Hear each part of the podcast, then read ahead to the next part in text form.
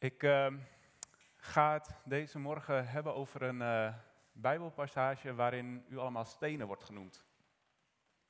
Het is uh, misschien een beetje een, een, gek beeld om, je dat, om dat over jezelf voor te stellen. Want de steen is, ik weet niet als ik daaraan denk dat is hard en koud en, en stug. Maar misschien zijn we dat ook wel een beetje, weet ik niet.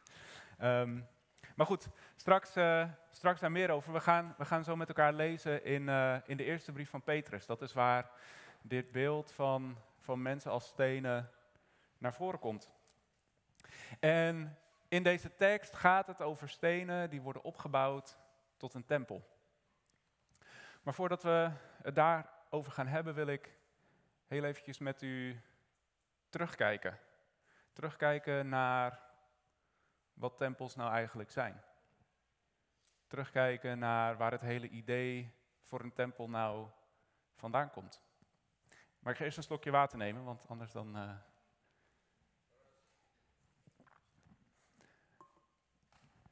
In Genesis schiep God de mens.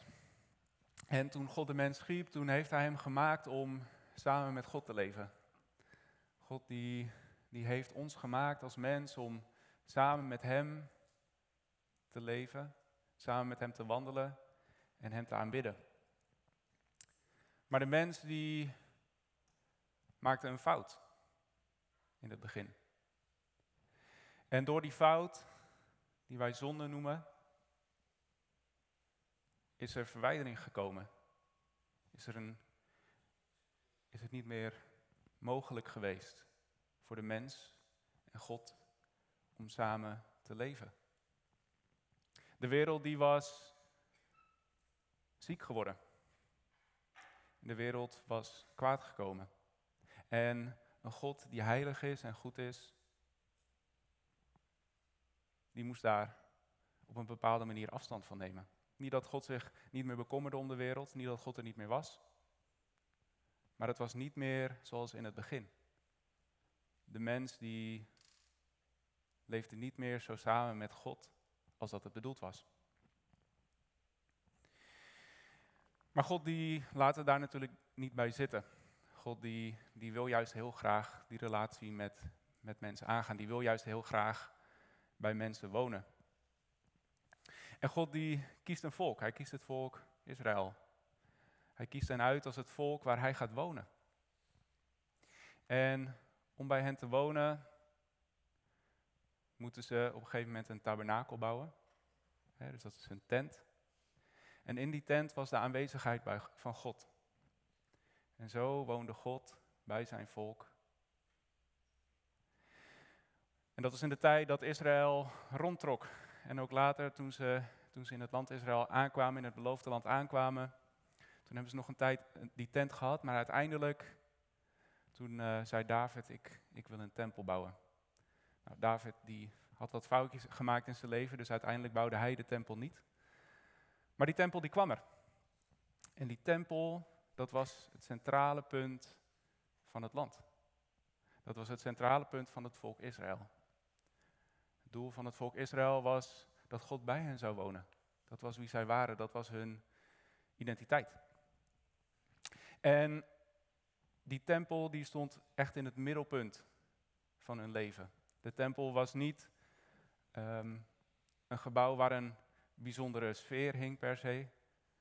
Was niet alleen een gebouw dat er mooi uitzag. Maar voor de Israëlieten was dat de plek waar hun God woonde. En waar ze hem konden ontmoeten. Nou, daar zaten nog wel allerlei restricties aan. Ze konden niet overal zomaar naar binnen lopen en uh, er kwamen nog allerlei offerrituelen bij kijken. Maar de tempel was het centrale punt. Dat was waar God was.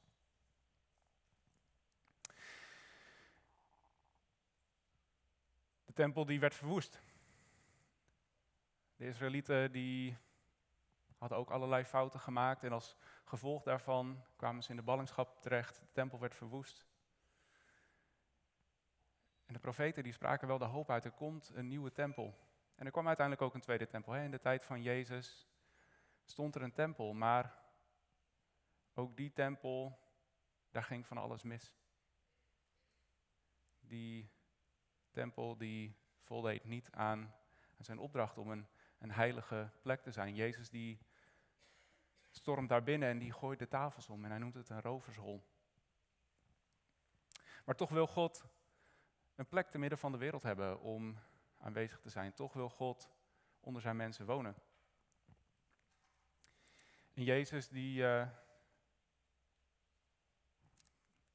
die komt op aarde. Hij verkondigt het goede nieuws en, en hij brengt het koninkrijk van, van hem. Hij sticht zijn kerk. En dan komen we bij deze, deze tekst uit, de eerste brief van Petrus. Het is uh, 1 Petrus 3. En daarin gaat Petrus, die gaat eigenlijk in op dat tempel zijn. Maar dat doet hij in een, in een bepaalde, bepaalde context. In die brief, daar spreekt hij christenen aan die het moeilijk hebben. Die het zwaar hebben, die vervolgd zijn. En hij wil ze een bepaalde gedachte meegeven. Als die christenen die moeilijke tijden doorstaan. En het is deze gedachte.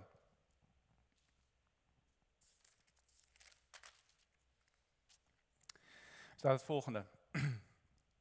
Ontdoe u dus van alles wat slecht is, van alle bedrog en huichelarij, alle afgunst en kwaadsprekerij. En verlang als pasgeboren zuigelingen naar de zuivere melk van het woord, opdat u daardoor groeit en uw redding bereikt. U hebt toch de goedheid van de Heer geproefd? Voeg u bij hem, bij de levende steen die door de mensen werd afgekeurd, maar door God werd uitgekozen om zijn kostbaarheid. En laat u ook zelf als levende stenen gebruiken voor de bouw van een geestelijke tempel. Vorm een heilige priesterschap. Om geestelijke offers te brengen die God, dankzij Jezus Christus, welgevallig zijn. In de schrift staat immers, in Sion heb ik een hoeksteen die ik heb uitgekozen om zijn kostbaarheid. Wie daarop vertrouwt, komt niet bedrogen uit. Tot dusver uh, de tekst uit de eerste brief van Petrus.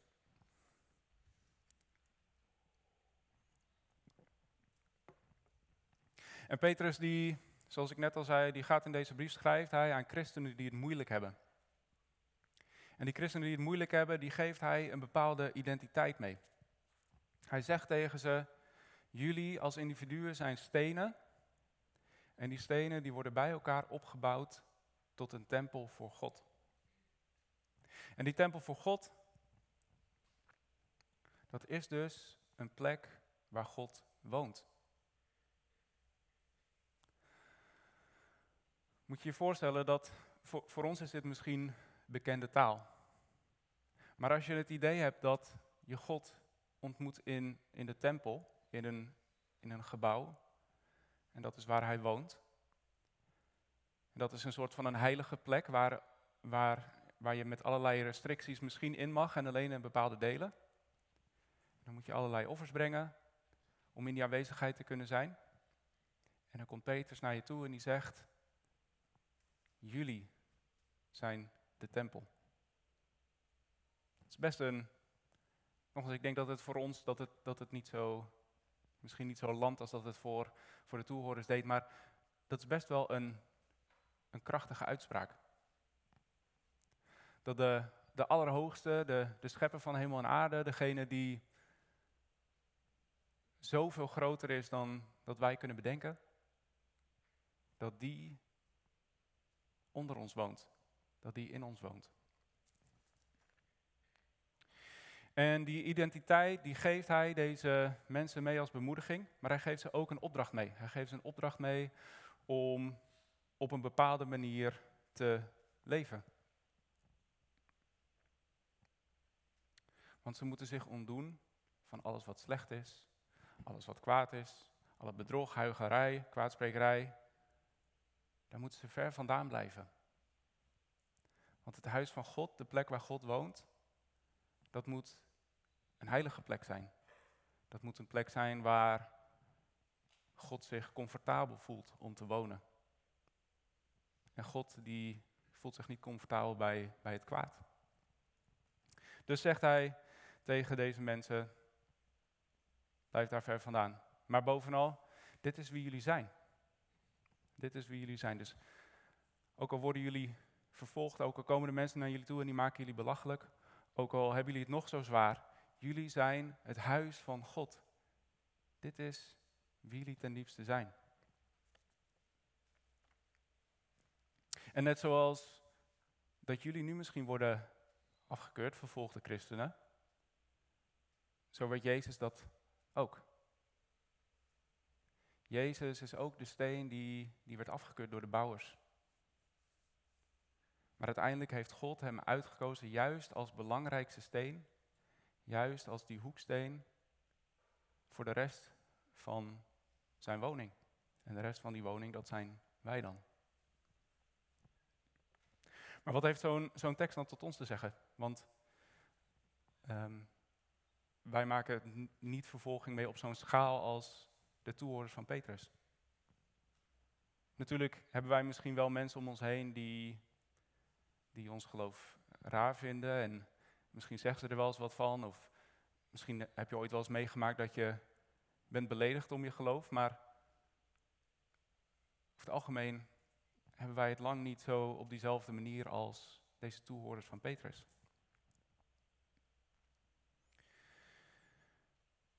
Heeft hij dan tot ons te zeggen? Nou, ik denk ten eerste dat dit stukje, net als bij die tours van Petrus, dat het ons een stukje meegeeft over wie wij zijn.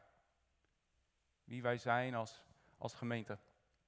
En ik weet niet of u het nog weet, maar het voelt alweer eens heel lang geleden, maar we zaten een, eh, een paar maanden terug nog in een lockdown, of een half jaar terug nog in een lockdown.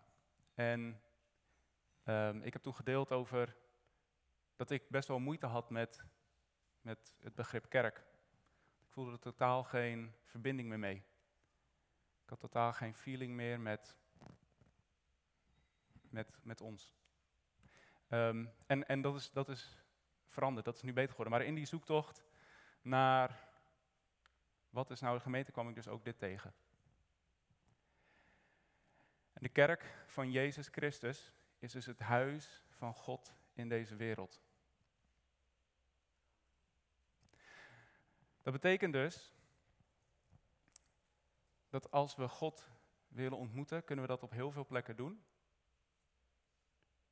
Maar het huis dat God heeft uitgekozen om te wonen, is zijn kerk. En dat is voor ons is dat, is dat natuurlijk een gigantische zegen. Wij hoeven niet om God te ontmoeten naar Jeruzalem af te reizen en daarna naar een tempel te gaan. Maar wij kunnen elkaar ontmoeten. Gewoon hier in Koog aan de Zaan. Waar dan ook. We hoeven niet meer naar een verre plek, maar God die is hier al in ons midden. Dat is ook een plek voor andere mensen. Andere mensen, als die God willen ontmoeten, hoeven we ze ook niet naar de tempel in Jeruzalem te sturen. Maar we mogen hen uitnodigen in ons midden. Mensen die, die naar God op zoek zijn, die mogen we uitnodigen om deel te nemen aan onze community. En op het moment dat ze deelnemen aan onze community, dan mogen we weten dat, dat daar God is. En dat zij daar dus ook God kunnen ontmoeten. Als er één plek is om God te ontmoeten, dan is het in onze gemeenschap. Niet, niet hier, maar hè, onze gemeenschap als kerk in zijn algemeen. Maar het brengt ook een bepaalde verantwoordelijkheid met zich mee. Als wij het huis van, van God zijn, als wij de plek zijn waar God woont,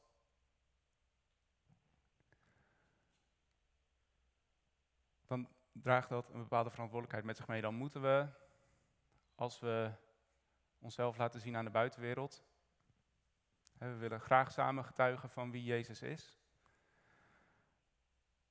dan moeten we dat op een manier doen die recht doet aan wie Jezus is. Dan moeten we dat recht doen aan wie God is. Want op het moment dat we dat niet doen, wat voor beeld krijgt de wereld dan van Gods huis? Wat voor beeld krijgen mensen die God niet kennen dan van wie God is? Als Gods huis al niet een, een goede plek is, als Gods huis al niet een plek is vol van liefde, als Gods huis al niet een plek is vol van van aanbidding naar Hem toe?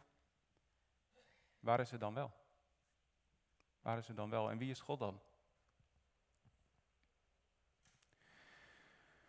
We zijn geroepen om als huis van God, om er te zijn. En we zijn geroepen als huis van God om binnen dat huis als priesters te werken. We zijn geroepen om voor mensen te bidden. We zijn geroepen om God te aanbidden. We zijn geroepen om in alles wat we doen recht te doen aan dat huis van God wat we zijn. En om dat te doen, zijn er denk ik een aantal dingen belangrijk. Om dat te volgen zijn er een aantal dingen belangrijk. We kunnen Gods woord tot ons nemen. Peters noemt het zelf ook. We kunnen de zuivere melk van Gods woord tot ons nemen. En daardoor groeien we. Groeien we verder als huis van God. Wordt het huis van God wordt mooier. We zongen het net al in het lied. Het gaat daarover over mooie kleden aan de wanden. En het gaat over wierook. Als we een tempel van God willen zijn, dan moet dat geen lelijk gebouw zijn. Dan moet het geen gebouw zijn van kaal beton, waar geen ramen in zitten en waar het stinkt. En, het moet een mooie plek zijn. En als het een mooie plek wil zijn, dan, dan moeten we die taak dus blijven vervullen van dat priesterschap. Dan moeten we een plek zijn waar liefde heerst, waar we liefde laten zien aan de mensen om ons heen. Dan moet dat een plek zijn waar, waar genade heerst. En dan moet het een plek zijn waar we in alles wat we doen naar God luisteren.